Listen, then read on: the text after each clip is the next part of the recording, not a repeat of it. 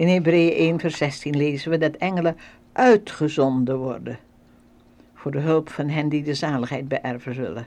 Ja, boodschappendienst, dat hadden ze al de eeuwen door dat ze in de Bijbel beschreven werden.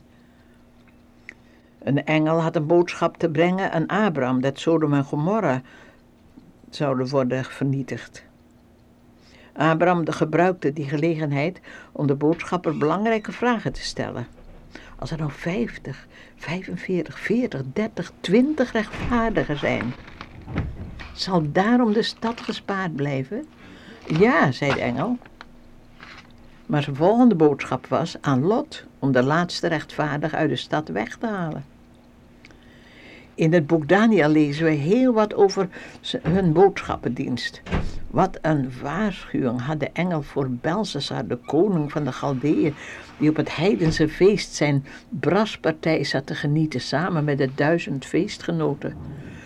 De engel schreef aan de wand, mene, mene, tekal uverslim.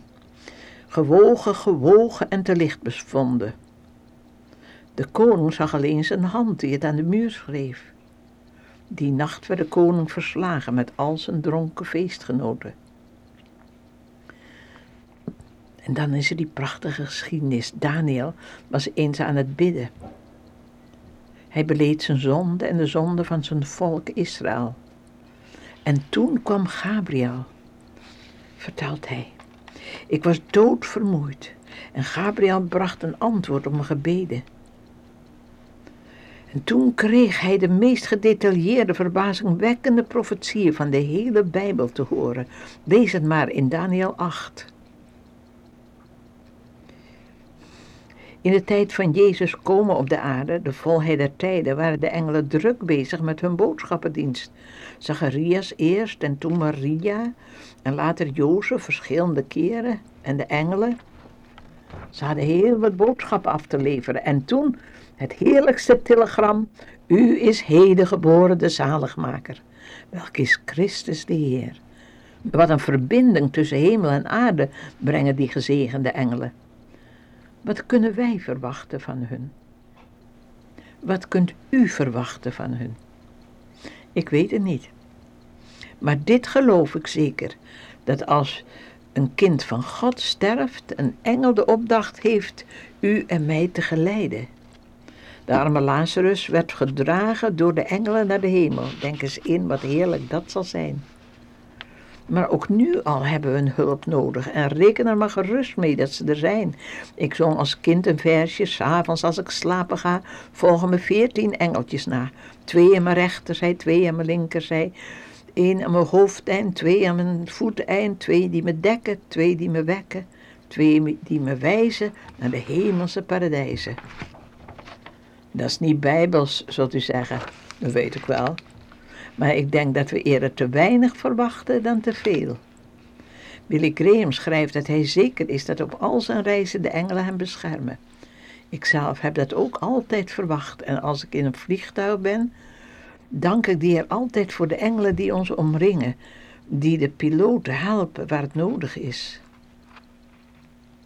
Het kan zijn dat sommigen van jullie die luisteren denken, maar wacht nou eens even. Kan ik dat nou ook genieten? Kan ik daar nou zeker van zijn?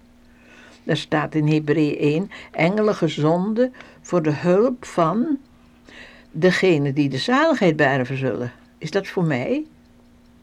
Dat is een heel verstandige vraag. Het huis des vaders met de vele woningen is voor kinderen gods. Bent u dat niet? Of weet u niet zeker of u dat bent? Dan zal er zeker nog iets moeten gebeuren, iets heerlijks.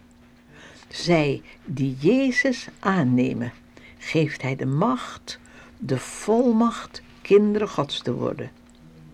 Jezus zegt, kom tot me alle die vermoeid en belast zijn. Ik zal je rust geven. Kom tot Jezus.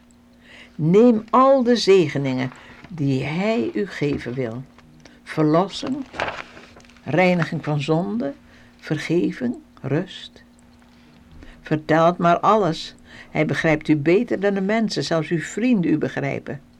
Zeg het maar gerust in uw eigen taal, zoiets als, Heer Jezus, ik ben er niet zeker van of ik erbij hoor. Ik geloof dat u aan het kruis gestorven bent voor de zonde van de hele wereld. Ik heb ook gezondigd. Ik weet drommels goed dat ik een zondaar ben. Wilt u me vergeven en mijn hart rein maken en me dan sterk maken met u samen de strijd tegen de zonde te winnen? En dan is het goed schoon schip te maken en de zonde die u bewust bent hem te vertellen. David leerde ons dat wij zelfs mogen bidden, reinig mij van de verborgen afdwalingen. Als u dit alles voor de eerste keer doet, dan noemt de Heer Jezus dat een wedergeboorte. Dat is dus een begin. Hij wil dan bij u blijven en u leren de weg die u gaan moet. Toen ik jaren geleden in de kerk aangenomen werd, was mijn tekst, gelijk gij dan den Heere hebt aangenomen, wandelt als zo in hem. Hij wil u vasthouden en met u samen wandelen. En als Jezus uw hand grijpt, dan houdt hij u stevig vast.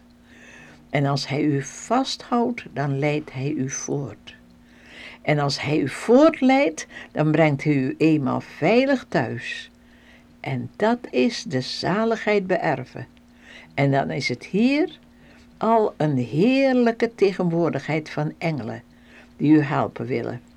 Heer Jezus, dank u wel dat degenen die tot u komen u helemaal niet zult wegsturen of uitwerpen. Dank u dat alle mogen komen. Ook die nu geluisterd hebben naar de radio en hun ja tot u hebben uitgesproken. Misschien heel zachtjes, maar u hebt het gehoord. Dank u dat de engelen nu ook hun helpers en beschermers zijn. Halleluja, wat een heiland.